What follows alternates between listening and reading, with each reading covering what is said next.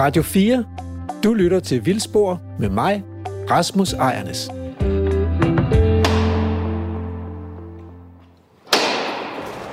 Vi er frihedsberøvet for tiden.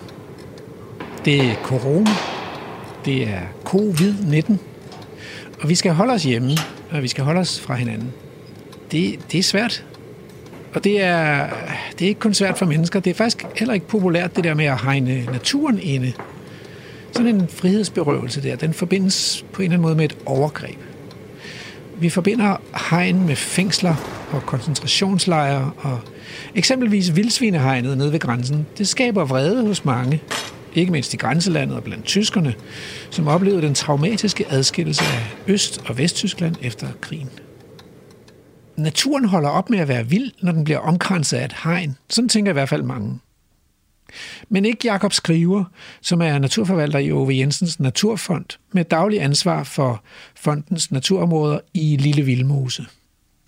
Tofte Skov og Mose samt Høstermarkskov. Senest har fonden også hjulpet med at hegne elge inde i mellemområdet. Og Lille Vildmose, det er jo en legendarisk dansk naturlokalitet, så derfor har vi besluttet at sende Lærke og Emil afsted for at tale med Jakob.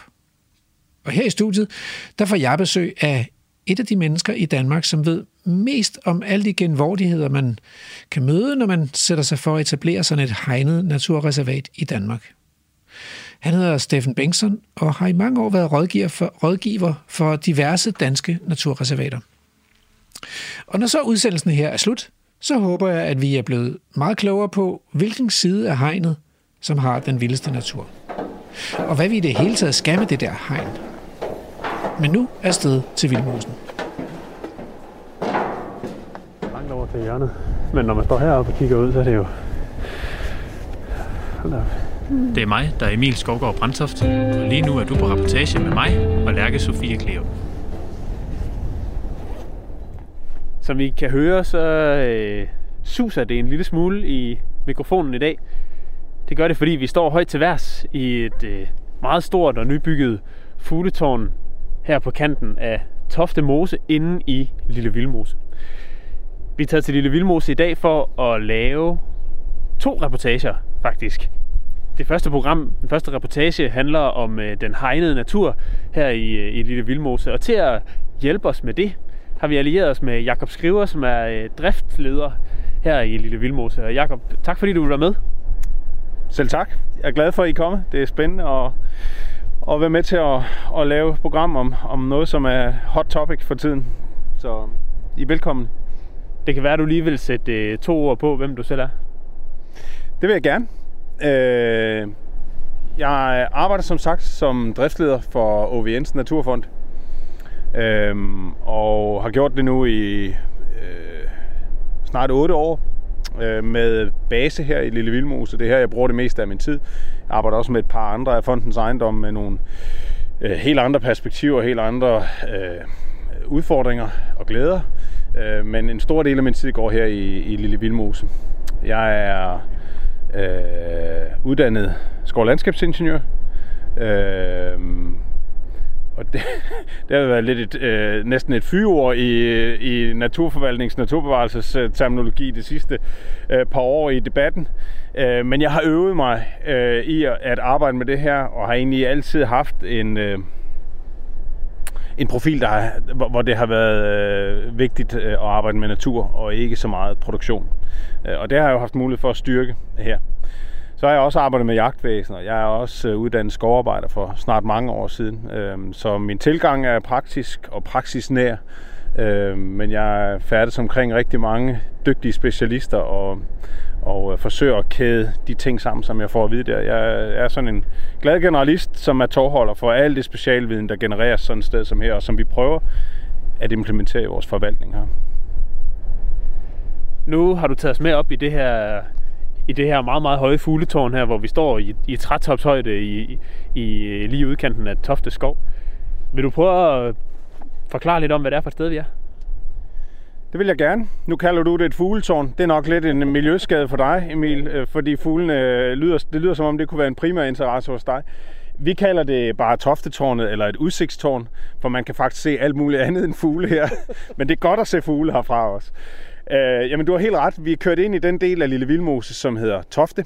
Øh, består af Tofte Mose, som vi står og kigger ud over den nordlige del af her. Øh, Tofte Mose er unik, og måske i virkeligheden det, som er allermest unikt ved, ved naturen i Lille Vildmose, fordi det er en stor rest af bevaret og intakt højmose. Faktisk den største, der er tilbage i Danmark. Mere end halvdelen af Danmarks højmose-natur ligger lige herude. Øhm, så vi kigger ud over cirka 1000 hektar højmose og øh, befinder os, som du siger, i midten af Tofte, som er en del af Lille Vildmose. Øh, Tofte består ud over højmosen også af græsningsskov, åbne græssletter, lynghede, øh, og alle mulige mellem, øh, mellem naturtyper, alle mulige øh, områder med fattigkær øh, og så videre, så videre. Så det er et komplekst og sammensat naturområde med stor variation. Og så kan vi jo kigge langt herfra. Øhm, og det er egentlig derfor, jeg synes, vi skulle starte her, fordi det kan give et indtryk af øh, skala og kompleksitet i det her naturområde, vi har øh, mulighed for at forvalte her. Hvis I kigger langt mod nord, øh, så kan I fornemme en mørk kant af Sitkagran. Øh, 9 km er der deroppe. Det er den sydlige kant af Høstemark Skov, hvor jeg faktisk synes, vi skal fortsætte vores øh, reportage, når vi er færdige her. Øhm, og ude mod øh, nord-nordvest, der kan I fornemme Kællingbjergskrænten, som, øh, som danner den, den vestlige kant af, eller skal vi sige, er i den vestlige kant af mellemområdet, hvor vi også kommer forbi senere i dag. Og kigger I mod nord og øst, så kan I se Muldbjergene ude ved kysten. Øh, en fantastisk lokalitet i øvrigt, øh, også delvist ejet af, ikke af Ove Jensen Naturfond, men af Lille Vildmos Naturfond, og hvorfra man både kan opleve fantastiske udsigter, og hvor der er en fantastisk overdrevsflor. Øh, lige knap derude, men lidt, lidt til venstre derfor, der kan I se nogle røde bygninger. Det er den øh, østlige begrænsning af mellemområdet. Og vi kommer til øh, på, på vores tur rundt her, øh, tror jeg især at være i den sydlige kant af Høstemark, så vil vi køre i mellemområdet og prøve at snakke om, hvordan vi arbejder med natur bag et hegn øh, derude, med offentlig adgang. Og som altid, så er vi jo øh, biologerne i felten, Emil Skovgaard Brandtoft og Lærke Sofie Gliop. Men Jacob, jeg kan se, der også øh, her neden for tårnet er sådan en, øh, en, en trægang rundt herude i, i mosen. Kan vi øh, lige prøve at gå derned og kigge lidt nærmere på det? Kan vi sagtens gøre. Der er jo, som du siger, Lærke, en, en boardwalk ud på selve højmosefladen. Det er sådan en måde at komme derud, øh, når nu det her bliver sådan et, et punkt, hvor, øh, eller er et punkt, hvor mange besøgende i Tofte øh, kommer ud og, og ligesom kan få den ultimative oplevelse af øh, områdets storhed, så kan man også komme tæt på det, uden at træde på højmosvegetation, som er sårbar over for det. Øhm, så der er sådan en boardwalk. Jeg synes, vi skal gå derned. Det er en god idé, og, og lige øh, snakke lidt mere om, hvad, hvad det her er for et specielt sted.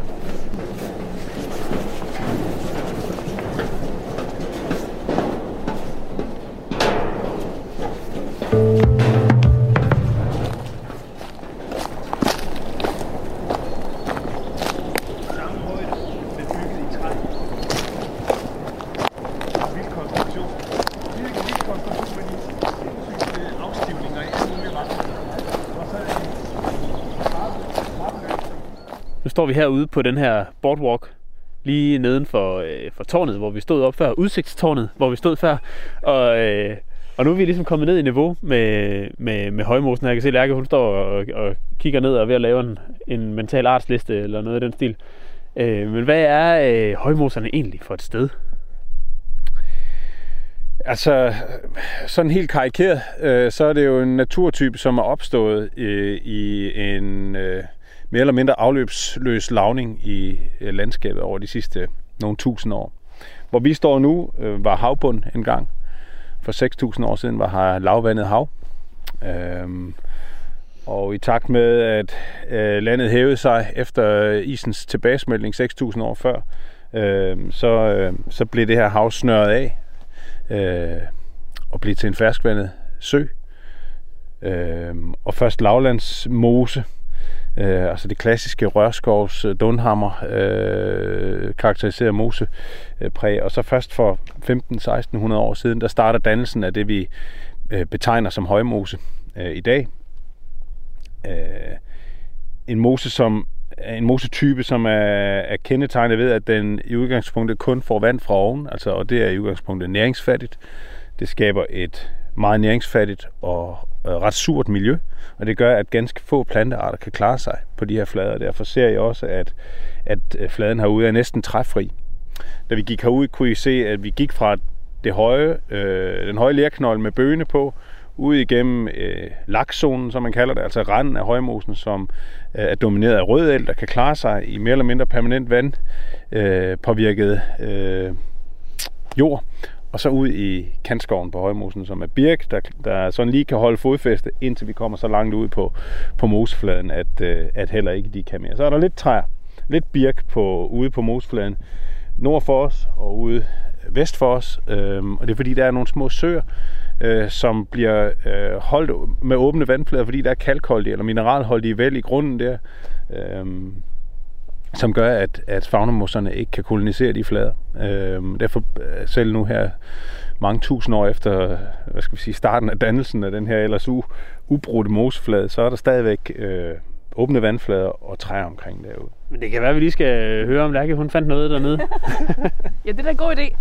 Altså, som, øh, som Jacob også får sagt, så er det jo et øh, område, der selvfølgelig er domineret af de her øh, forskellige sphagnum-arter, som øh, jeg tror, de fleste nok mest kender fra rhododendronbledet derhjemme øh, i lidt mere mørk form end den her grønne og røde nuance, som ellers ligger øh, den nederste del af vegetationen herude. Så er det jo et lidt brunt landskab, men man kan jo stadigvæk godt se nogle rester af sidste års planter. Der er i hvert fald klokkelyng og forskellige græsser herude. Jeg tror også, der lige kravler lidt tranebær, hist og pist. Og ellers er det jo øh, ja, de her spredte birketræer, der står rundt omkring. Det er jo et meget, meget fladt landskab, som, øh, som jeg kan også få sagt, så er der jo altså ikke øh, sådan tilførsel hertil. Og omkring os, der er der bakker, men det er jo sådan en kæmpe stor flade. Altså den, den virker lidt uendelig, så når vi er kommet herned i niveau. Så kigger vi bare ud over det her fuldstændig uendelige landskab af højmose. Vi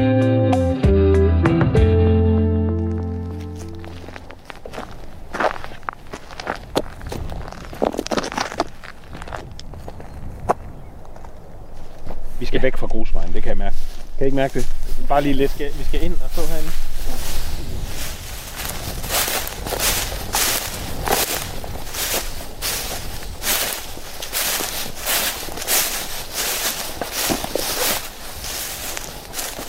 Vi har nu øh, flyttet os lidt. Vi er kørt øh, nordpå op til den, øh, den nordligste del af Lille Vildmose. Og Jakob, hvad er det for et område, vi står i nu? Ja, nu er vi kørt til Høstemark. Den nord, ja, som du selv siger, den nordligste del af, af Lille Vildmose-området.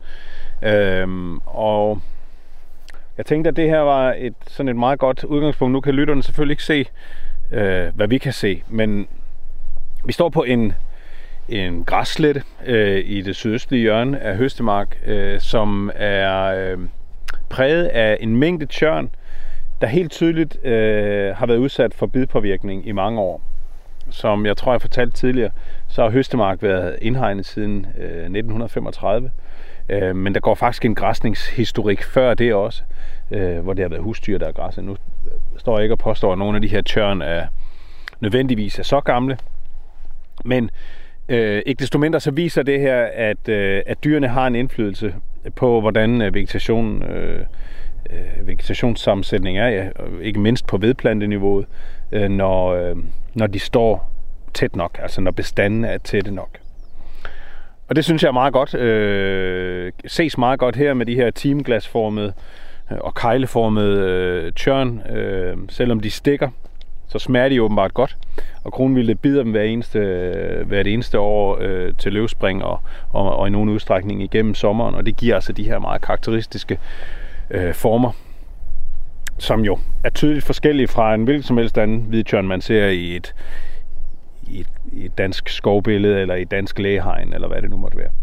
De er jo virkelig øh, meget, meget karakteristiske, de her, de her øh, tjørn, hvor man sådan virkelig kan se, at i den nederste meter eller halvanden eller sådan noget, der er de sådan helt tætte og krogede og har netop sådan en kejleform.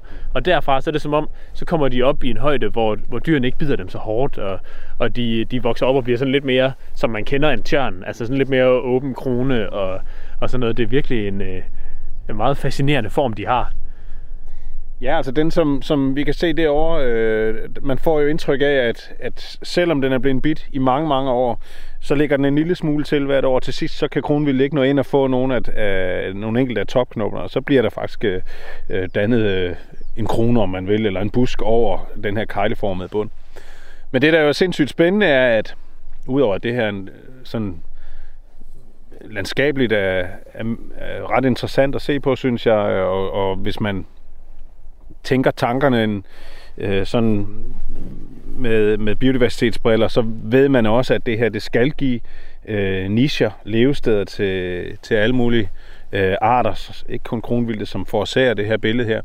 Øh, men det, der er spændende, er jo, at netop de her nischer, der opstår, altså, nu se sådan en som den, vi, vi står og kigger hen på der, øh, med en meget, meget tæt fodpose, oven i købet en sydlig eksponering, der bliver varmet op, øh, og der dannes øh, en helt særlig lille mikrohabitat der, som, som er spændende og som er specielt, og som øh, giver levested for, for arter, som ellers ikke ville. Det er anderledes med den her, som på en eller anden måde ikke har været bit lige så hårdt, og der, der, der har vi ikke samme, samme fodposedannelse, og, og der er så nogle andre øh, forhold, der gør sig gældende omkring den. Ja, det er grundigt sjovt, at den, har, den er gået fri. Ja, nogle enkelte af dem har. Hvorfor det er øh, sådan, det, det ved jeg egentlig ikke. Men noget af det, vi, øh, vi også skal snakke lidt om, Jacob, det er jo, øh, hvad, hvad for nogle tanker, man, man har gjort sig her, når man skal lave sådan et, et område som, som det her i Høstemark Skov for eksempel.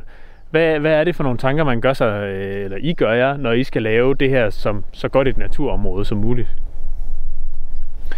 Altså, OVN's Naturfond øh, står jo på skuldrene af nogen før os øh, her øh, som jeg har beskrevet, har øh, især Høstemark, hvor vi står nu, eller Høstemark, hvor vi står nu, og især Tofte, øh, været hegnet i mange år, øh, med nogle helt andre mål og perspektiver, end det, der er øh, fondens mål. Øh, det har været for at pleje egne jagtinteresser. Øh, men uagtet, at, at det var tidligere ejers mål, og vores er et andet, så kan man sige, at hegnet jo øh, giver os muligheden for, at øh, eksekvere en forvaltning, som vi ikke behøver at spørge andre om. Øh, vi skal selvfølgelig overholde lovgivning, og så ved det klart, hvis vi vil lave noget i, i, i landskabet, der betyder større forandringer. Men vi behøver ikke at spørge vores naboer, hvor meget kronvild de synes, der skal være, for eksempel. Eller hvor mange vildsvin der skal være. Og, og det vil sige, at vi kan koble vores forvaltning øh, af, hvad andre synes, og på øh, det, som vi synes giver mening ud fra fondens målsætning. Og det er naturens bevarelse og de vilde dyrs beskyttelse, det er en maksimering af biodiversitet.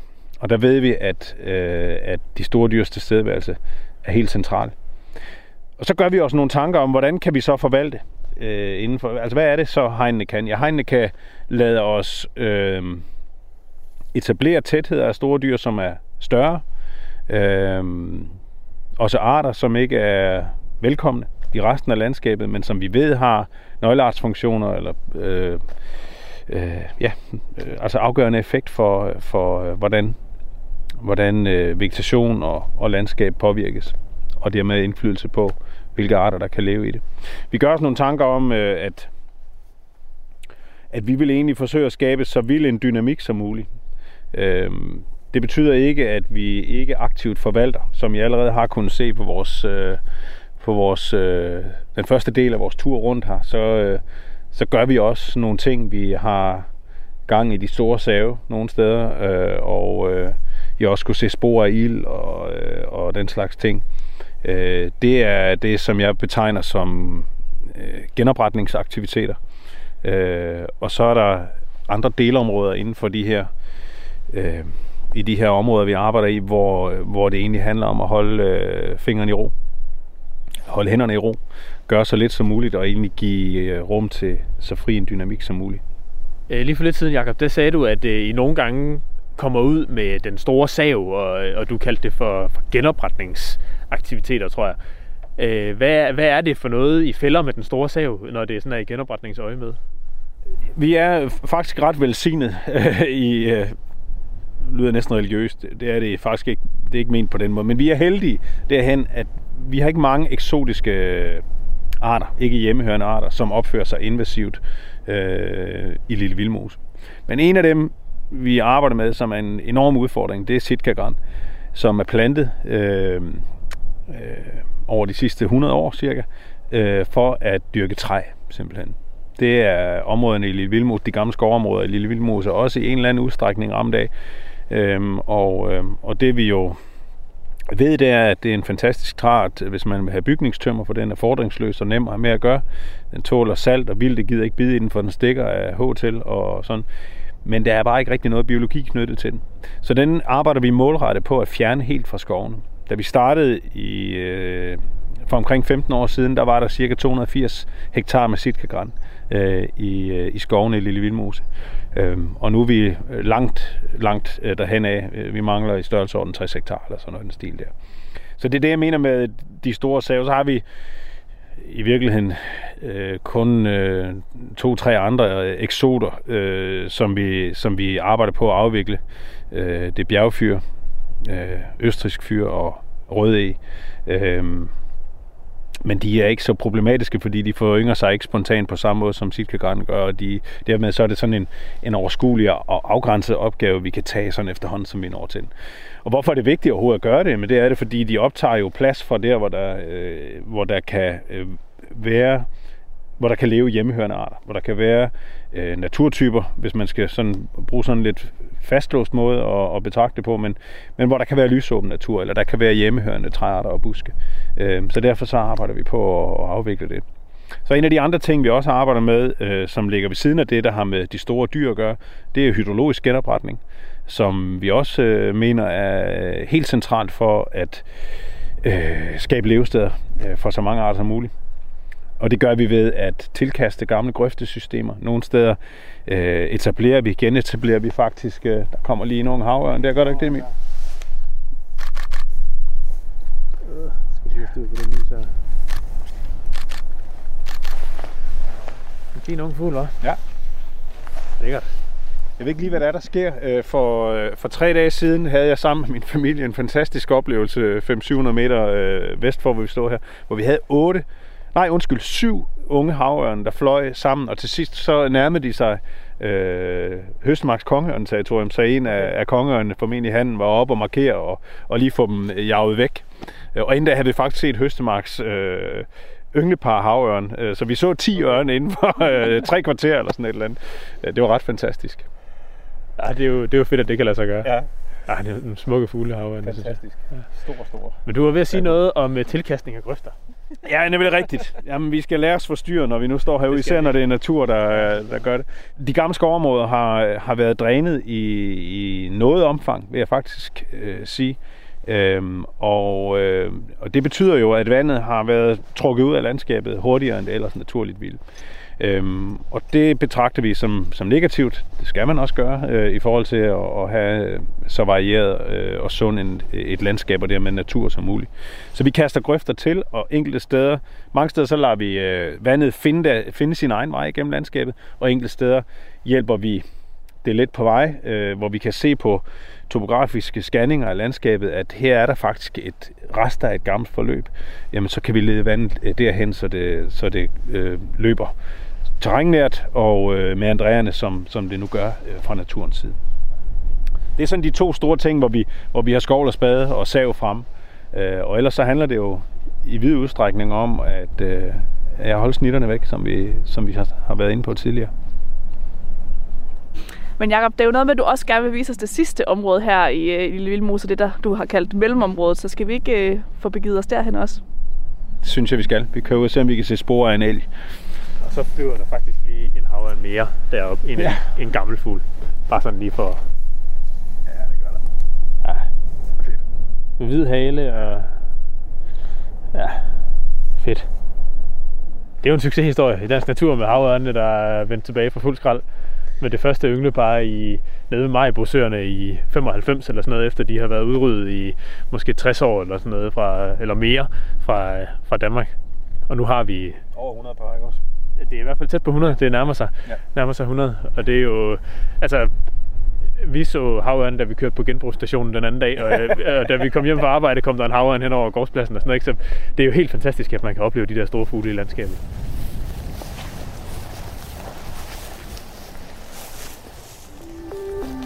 you lytter til Vildspor med mig, Rasmus Ejernes.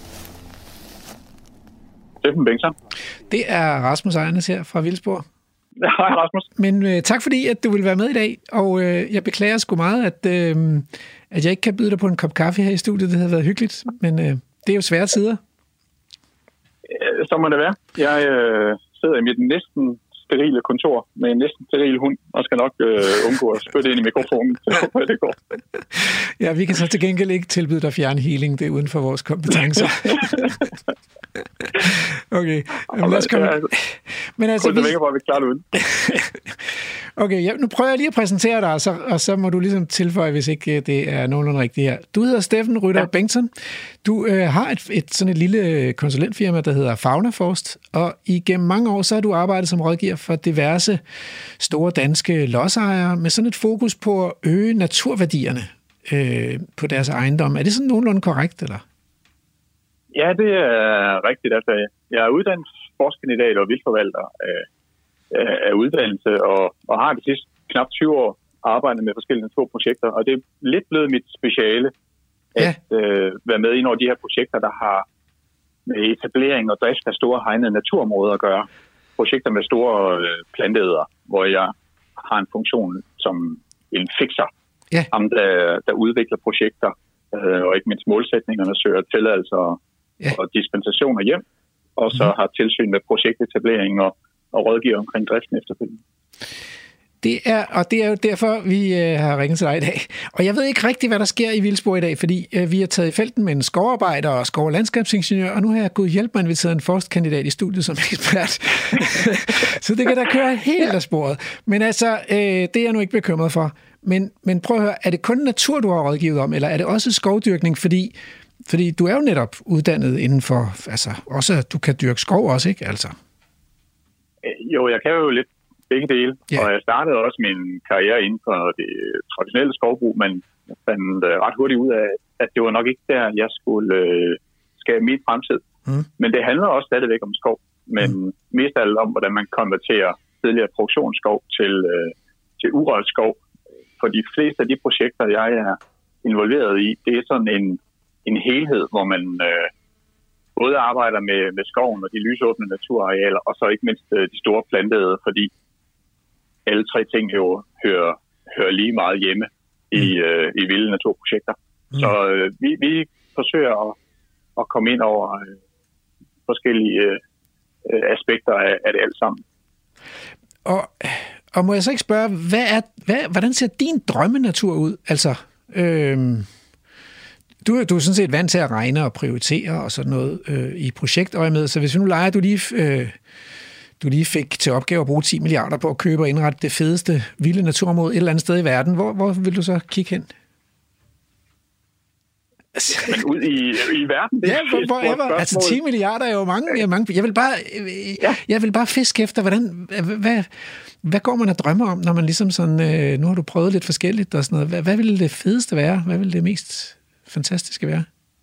Jeg synes, når man øh, ser øh, på den natur, som man finder i, i Nordvestamerika omkring øh, Yellowstone, hvor man har masser af forskellige store dyr, både store rovdyr og store planteæder, og en masse spændende skov- og lysåbne naturtyper sammen, som er øh, forholdsvis vilde, Ja. så øh, er det nok noget af det, der kommer nærmest min, øh, min drømme natur. Mm. Øh, hvor man også kan arbejde i en, i en skala, som ikke gør det nødvendigt at øh, arbejde med hegn.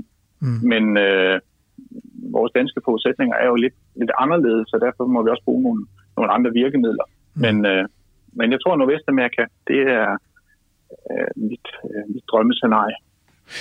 Så, og nu sagde du det jo faktisk selv, fordi jeg har stående på min liste her, jeg skulle spørge dig, hvordan øh, skulle der så være hegn omkring, og hvordan har du det egentlig personligt med hegn? Men du har jo næsten sagt det.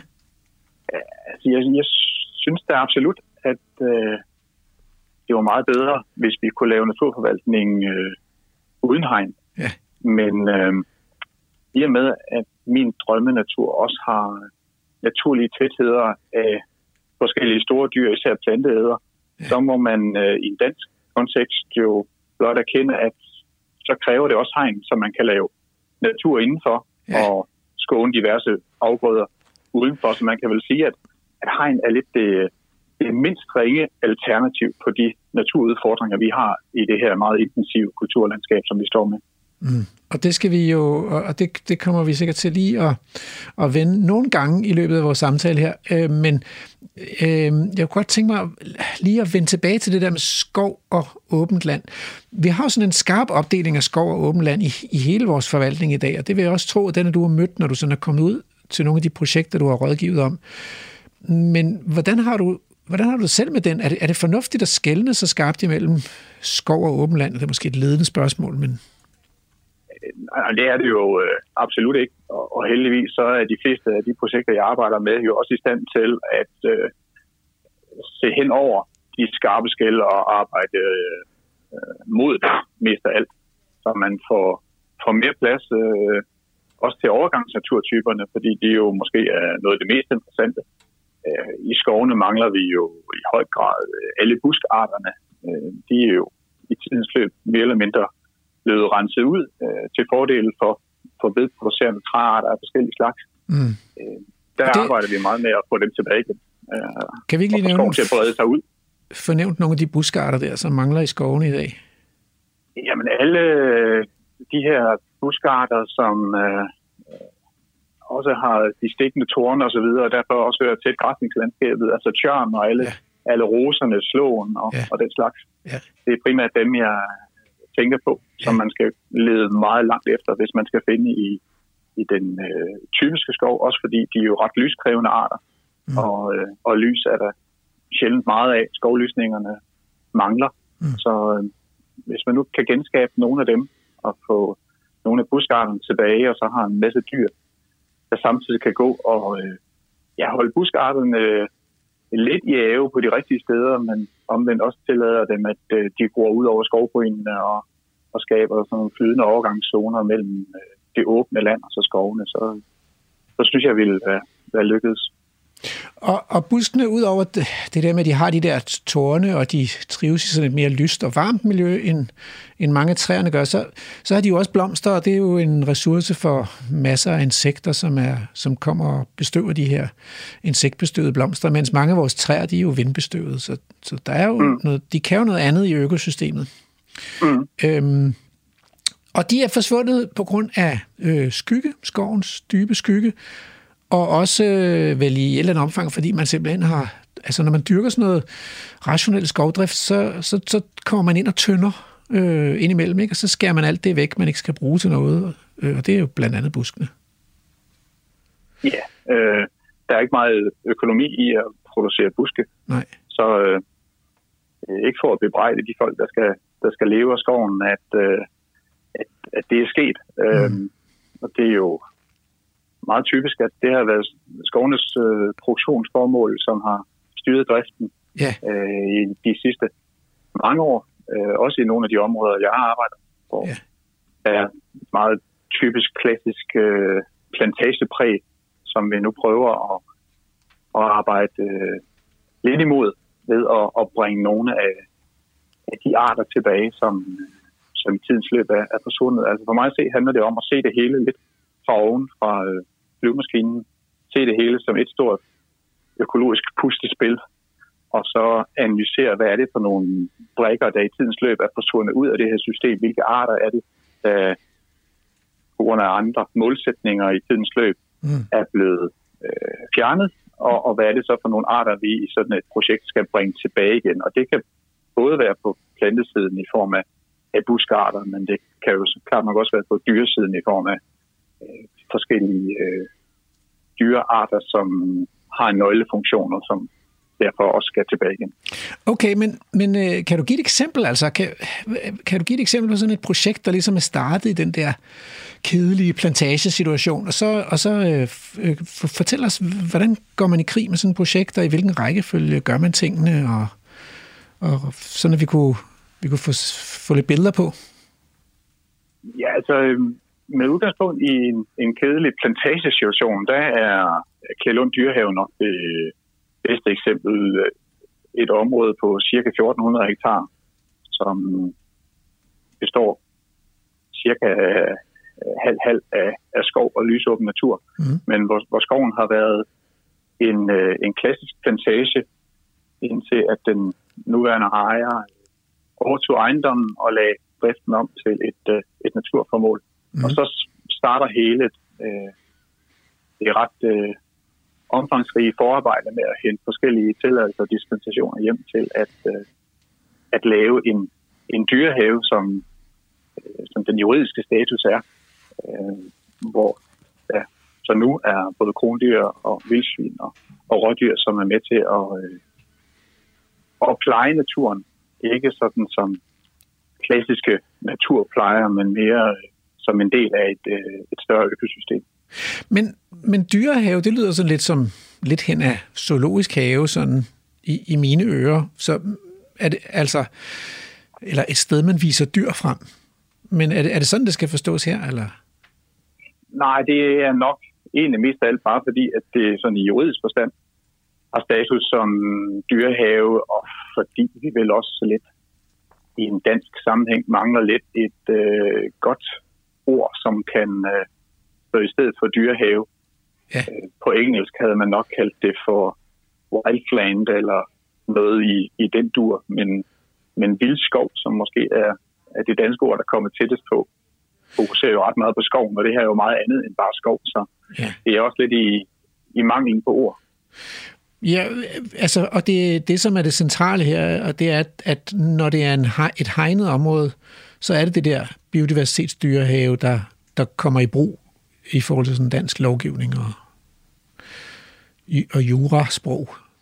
Ja, det er det.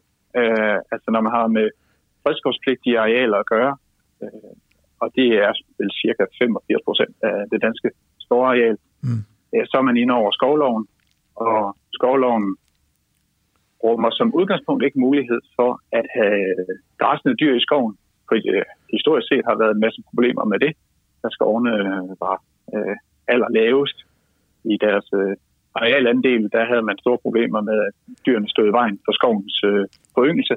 Ja. Og fra den tid har man så mere eller mindre holdt dyrene ude af skoven. Mm. Men der er så nogle dispensationsmuligheder af forskellige slags. Blandt andet, hvis man laver det, man kalder for skovgræsning, hvor man har husdyr i skoven. Og så den variant, hvor man benytter sig af forskellige vilde arter. Og mm. der bliver det så til en, en dyrehave. Mm. Og den nyeste term i dyrehave-jargonen er så biodiversitetsdyrehave, fordi det var en mulighed, der blev indskrevet i skovloven i 2004, mm. hvor man normalt ikke får lov til at lave dyrehaver, nye dyrehaver. Man kan få lov til at opretholde driften af, af gamle eksisterende dyrehaver, men i 2004 blev der så mulighed for at etablere nye dyrehaver, hvis deres sigte ikke var jagt, men biodiversitet. Så det er, det er rigtigt nok forstået. Åh, oh, øh, det er den der, kan du høre det? Det er naturtelefonen, så nu har jeg to telefoner i gang på en tid. Øh, hæng lige på. Det er Rasmus Ejernes. Øh, du har ringet ind på naturtelefonen på, på Vildsborg. Hvem taler jeg med? Øh, du, du, du taler med, med, med bede, bedebladlus. Øh, den må jeg lige... En bedebladlus? Ja, ja. Hvad, hvad ja, er det? Altså, altså bladlus ved jeg godt, jo, men bede? Jamen, bede, bede det er en roe, og, og, og egentlig så er vores navn, altså det, det er lidt misforstået, fordi ja, vi går på roer, men, men vi går på så meget andet også. Så, så egentlig kunne vi bare hedde altædende bladlus, men, men det lyder måske heller ikke så godt. Nej, altædende bladlus, den tror jeg måske vil tænde nogle advarselslamper hos nogle af dem, jeg kender i hvert fald. Ja, ja men ved du, det gør det allerede, selvom vi bare hedder bede. Vi, vi, det, det, er jo forår nu, ikke? Og, og, og jeg sidder faktisk oppe i et træ. Jeg sidder oppe i en, en benved, Ja, ja. Øhm, fordi øh, det, det, her, det her, vi tilbringer vinteren som æg. Mm. Øh, min, min mor har lagt et æg, og, og det er jo det, jeg er kommet ud af. Og, øh, og nu er foråret her, og, og, og vi står på spring. Øh, øh, vi, vi skal, mig, og, mig og alle mine søstre, vi skal, vi skal jo ud. Vi skal ud og have noget, noget andet at spise end benved, fordi det, det er altså kun en vinterting. Ja, ja. Øhm, nu siger du sine det, søstre. Har du, har du ikke nogen brødre også? Altså, det kan du jo godt være. Nej, nej brød, brød det, det gør vi ikke så meget i. Øhm, det, det, det er sådan en efterårsting. Nå, det okay. Det, det kører, kører om efteråret, ja. Så. Nå. Ja, ja. Men så sidder du deroppe i toppen med den der benved, og du kigger lidt ud over øh, terrænet for at se, om der er et eller andet lækkert, eller hvad? Ja, og der er rigtig, rigtig meget lækkert, fordi altså mig og mine søstre, vi er nemlig egentlig ikke specielt kredsende. Det er faktisk kun lige her om vinteren med benet. Og kvalsted kan også godt gå an, men, men om sommeren, om sommeren, der kan vi spise rigtig, rigtig meget forskelligt. Mm. Og, og vi elsker planter. Vi elsker planter, fordi de har sådan en dejlig lækker saft med aminosyre og sukkerstoffer, som vi har brug for til at vokse og, og, og blive til flere. Det er, jo, det er jo det, vi gør. Ja. Det er jo det, er jo det alle gør. Ja. Vi, vi, vi, vi vil så gerne bare overleve til næste år, ikke? Altså, Ja. Jo, jeg, jeg kan allerede ane problemerne, de tårner sig op i horisonten, fordi, fordi hvad er Ja. egentlig dit problem? Altså grunden til, at du ringer ind til naturtelefonen her? det, er jo, det er jo fordi, det er skide farligt derude. Ikke? Altså, vi burde jo gøre ligesom folk med, med under corona, epidemier, pandemier og alt muligt mærkelige virer. At vi burde jo bare blive hjemme og, og, og gemme os, men, men, men vi skal jo ud i det. Men ja. der, er så, der er så mange, der er efter os. Det er jo skide farligt.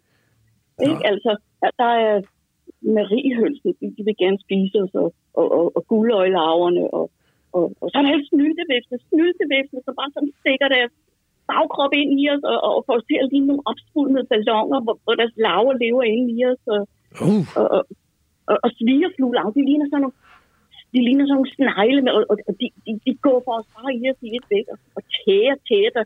Ja, ja, det er egentlig nogle fjerne slægtninge, fordi de har sådan en sugsnabel, ligesom vi har. Men, men hvor vi stikker det ned i planter, så stikker de den ind i os og, suger os tomme. Og, og, og der er også galmyg, der er efter os, og, og, og majser, og, og musvitter, men, men, men, men det er faktisk slet ikke engang det, fordi det, det, dem, dem har vi sådan set, hvad kan man sige, dem, kan, dem har vi kunne overleve i overvis, men ja, ja, det er jo det. Altså, øh, det, er jo bare, det, det er jo bare det vilde vesten. Altså, sådan er der ude i naturen, ikke? Ja, ja det er jo, ikke? Og, Jo. og, og vi har vores metoder til at overleve på, men, men, men, men så, er der, så er der de her mennesker, som bruger vandkanoner mod os. Altså, Okay. pludselig kommer der en vandstråle, og puh, så er, er, er hele kolonien væk. Så ligger vi bare på jorden og, og kan ikke finde noget at spise. Vi har jo bitte små ben, vi kan ikke gå så langt. Og, og, og, og, og så bruger de kemiske ting mod os, ikke? Altså sæbevand og, og, og sprit. Jeg, jeg, har engang, jeg har engang også hørt om skummemælk. Men Jeg ved ikke, hvorfor skummemælk skulle være godt, men, men de siger, at så bliver mælken sur, det kan vi ikke lide, men egentlig så er vi sgu ikke glade med skummemælk. Men, men sprit og sæbevand, altså, det, er jo- det, er jo- Men vi vi, har jo ikke nej, det kan jeg godt se, men vi mennesker, vi, vi, vi, det er jo, vi tænker jo også, at nogle af de der planter, det er vores planter, så dem skal I jo ligesom ikke, ligesom ikke spise op og æde op og sådan, altså, så kan du ikke også godt forstå?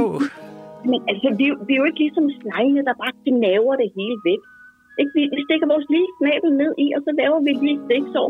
Og så sidder vi der og sutter lidt plantesaft. Ja. Og, øh, og øh, ja, Og bla- de fleste planter overlever måske faktisk angrebet. ja. Vi, Ja. ja. Altså, de fleste af os kan jo ikke flyve. Altså, okay, det, det er sådan, at, at jeg har vinger. Ja, Jeg kommer ud af et æg Ja. op i benet. Jeg har vinger. Jeg kan flyve hen til en plante. ja. Og så kan jeg sætte mig på den her plante, og så kan jeg begynde at suge noget saft, og så kan jeg klone mig selv. Jeg kan simpelthen føde søstre, som er fuldstændig Ah. magen til mig. Jomfrufødsel. Og, og, og, på, og på den måde, så kan jeg i løbet af ret kort tid lave en hel koloni, så vi er en hel masse. Men min søster har ingen vinger. Ah, Det så er det, jo meget, det er jo meget sårbart. Men prøv at høre, øhm, du lyder jo som en, et, et, et, spændende, et spændende dyr faktisk, men, men hvis du nu måtte komme med et ønske til menneskeheden, hvad skulle det så være? Og at vi bare vil acceptere, at vi er der, fordi vi, vi har jo også vores plads i, i, i, i det hele det store økosystem. Uden Ja. ja. os, så vil der være masser af andre dyr. Alle de, de dyr, jeg nævnte før, de er jo føde for, for endnu flere dyr. Åh, ja. Så det, hvis, hvis de ikke kan få noget at spise, og, og jeg offer gerne nogle søstre til det. Ja. Jeg offer gerne en hel del søstre. Faktisk 95 procent af, Ja. af, søstre også gerne. Ja. Men vel, det vil jeg lade gå videre, øh, fordi vi skal jo have noget liv i haven, og hvis man skal det, så skal man også leve med sin bedebladlus. Tusind tak, fordi du ringede Ja. ind. Det var så lidt. Hej. Hej. Øh, ja, det må du undskylde. Vi var lige i gang med at tale om de der biodiversitetsdyrehaver. Så Klilund Plantage blev til en biodiversitetsdyrehave, øh, og, og det er korrekt forstået, ikke, at, at det er faktisk lige meget, hvilken udgave af sådan noget skovgræsning, man finder på, uanset om det er vilde dyr eller tamme dyr, så, så er det ikke sådan noget, der er en kategori for i lovgivningen. Altså det, er en, det, det der er, det er en dispensationsmulighed, for i virkeligheden må man ikke. hvis man arbejder med skovgræsning, hvor det så kun er husdyr, Ja, det drejer sig om, så er der faktisk en mulighed for, at man kan etablere skovgræsning på op, på op til 10 procent af det sammenhængende fredskovspligtige areal på den pågældende ejendom, Ja. uden en dispensation. men den var ikke gået i Klilund øh, Plantage, fordi der siger du, 80 procent af arealet var i virkeligheden fredskovspligtigt. Så, så den kunne man ikke have kørt med, de der 10 procent. Ja, altså det var faktisk endnu mere, der var, der var fredskovspligtigt Ja. lige i Klilund, men øh, nej, det, det kunne man ikke. Altså nej. hvis man skal over de, de 10 procent, Ja. øh, og så var det jo i Klilund heller ikke interessant at lave græsningen med husdyr, men med vildarter i stedet for.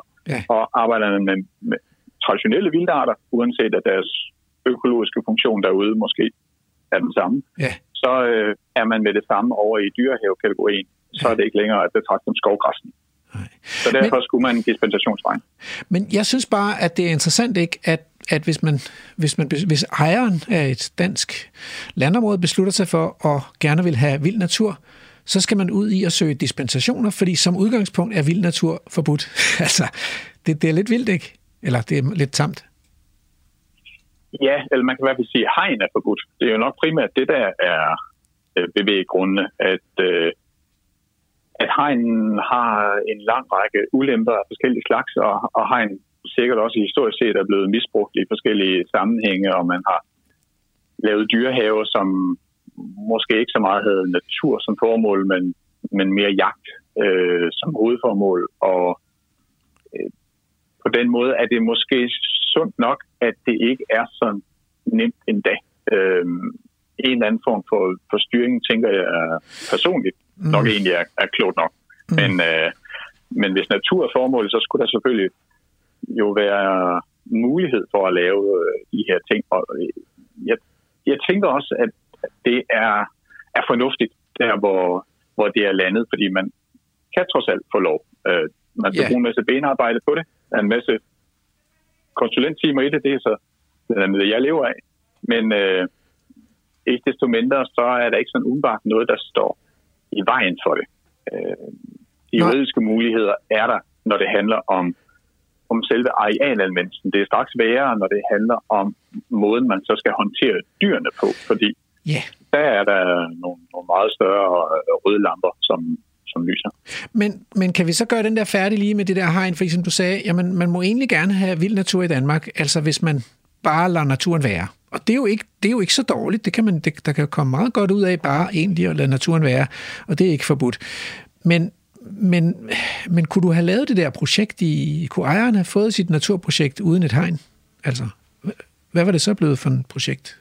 Og hvordan var det blevet anderledes end nu, hvor der er blevet sat et hegn? Der må være en grund til, at det jo koster også penge at lave sådan et hegn. Ja, det, det er klart. Men øh, altså, hvis man skal have fuld udbytte af de øh, naturlige funktioner af forskellige slags, som store planteæder har i form af græsning og browsing og, og deres slide og frøspredninger og hvad det nu kan være, Ja. så kræver det jo, at man har dyr i naturlige tætheder. Og i vores øh, sædvanlige landskab, der har jeg svært ved at se for mig, at man kan komme op øh, på de niveauer, uden at man forinden møder modstand i form af markskader på øh, nabolandmænds marker eller øh, lokale skovejere, som synes, at, at nu er der rigeligt med krondyr, som forstyrrer foryngelsen, eller hvad det nu kan være. Ja. Så hvis man skulle prøve at se på det scenarie uden hegn, så tror jeg ikke, at man, man kunne få de tilstrækkelige økologiske funktioner integreret i, i systemet. Og så vil dyrene jo også bare gå et andet sted hen og æde noget øh, med karakter af junk food, som de dybest set nok øh, hellere øh, vil æde, men, men som ikke har nogen, øh, øh, ja, nogen biodiversitetsfremmende karakter. Og junk food for krondyr, det er ikke popcorn og vingummi, men, øh, men øh, det er selvfølgelig afgrøderne ude på marken, som er Netop, ekstra, øh. ekstra proteinrige sammenlignet med naturlig vegetation. Ja, og helt konkret i projekt Klælund Dyrehave kunne man faktisk se, at der i øh, de sidste vintre op til indhegningen faktisk var væsentligt flere dyr, end der er på nuværende tidspunkt.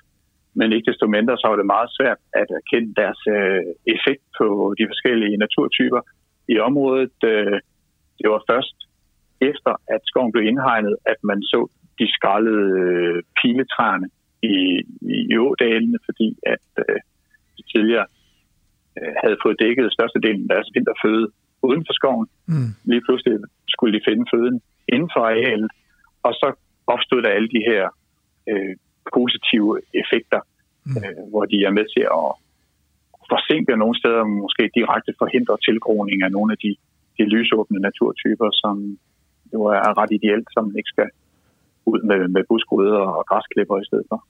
Så, så det du også siger der, det er sådan, at, at sultne dyr, de gør noget andet, end sådan nogle mætte dyr gør. Så hvis man fodrer, fodrer på dyrene, så er, det, så er det svært at forvente, at de søger føde på, ude i naturen på samme måde, som, som hvis de selv skal finde maden. Ja, det, det siger, og det gælder jo især, hvis man gerne vil have en effekt på vedplanter, fordi forskellige dyrearter æder flest vedplanter om vinteren, og hvis man tilbyder dem en eller anden form for foder i stedet i vinterperioden, ja, så fjerner man jo også øh, den effekt øh, på dyrene. Så det, øh, det kan helt klart stå i vejen for at opfylde øh, naturformålet, hvis man kaster sig for meget ud i det. Du lytter til Radio 4. Så, så der i Klilund, der blev, der blev, øh, blev der hegnet øh, 1200 hektar, og der var krondyr inden for hegn. Og, og hvad så? Altså, øh, hvad, hvad, hvad, har I så, hvad har du været med til at, at sætte i gang dernede, udover at sætte et hegn og, øh, og kigge på krondyrene? Jamen, på skovarealerne øh, arbejder vi så med at øh, få dem bragt i en tilstand, hvor vi mener, at øh, naturen så at sige kan stå på egen ben ved at fjerne nogle af de måske ikke invasive arter, men problematiske, eksotiske arter, der er i systemet, primært øh, sitkagran og, øh, og suga, skamsydegran, ja. få dem øh, ud af systemet, inden at naturen så på sigt kan få lov til at stå på øh, egne ben. Og så talte du om også at, at indføre nogle, nogle planter, det vil sige, at det ikke, måske ikke kun er, er de store dyr, der er nøglearter i økosystemet, men det også kan være nogle af de der planter, som ellers mangler. Og der snakkede du om buskene. Så har I sået eller plantet buske ud også, eller hvordan? Ja, der er i høj grad plantet øh, buske ud. Vi har ikke øh, ret gode erfaringer med øh, såning af buske.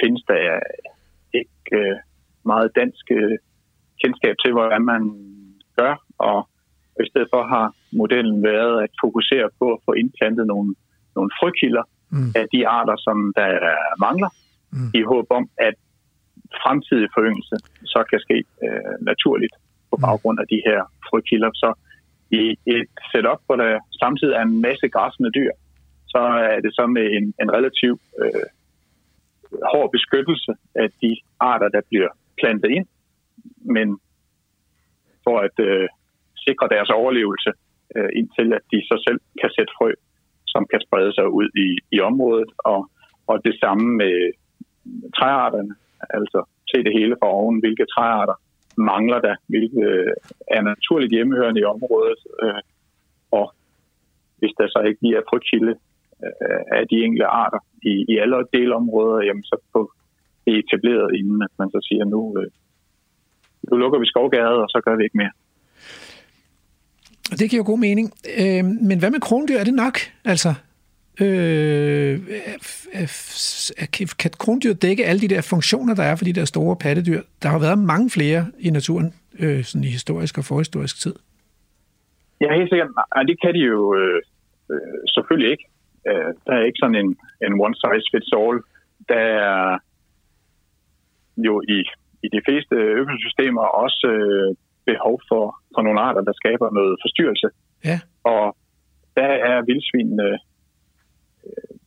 de allerbedste. De har en funktion, som ingen andre arter kan efterligne. Og, øh, og derfor blev det også på et tidspunkt besluttet, at der i Eklund-projektet blev øh, behov for at indføre vildsvin. Blandt andet også ved at betragte nogle af de meget spændende øh, resultater, som man har opnået i, i Topteskov ved at have vildsvinene der i, i meget lang tid. Og... Det er så opbakning til den idé. øh, det, og det lyder jo fantastisk, og jeg kan øh, levende forestille mig, at øh, vildsvin ikke er, ikke er den aller nemmeste art øh, at få lov til at indføre, fordi der jo ligesom er sådan en stående ordre på, at øh, vildsvin, det er ikke noget, vi vil have i Danmark. De skal skydes, og de skal holdes ude af Danmark, øh, om nødvendigt ved at sætte et hegn øh, på tværs af grænsen til Tyskland. Så det har man jo gjort. Så, så jeg forestiller mig, at, det, at bølgerne har gået højt der ved, at I pludselig skulle have vildsvin nede i Klevlund Plantage. Og det skal vi snakke om efter nyhederne. Nu kommer der nemlig nyheder.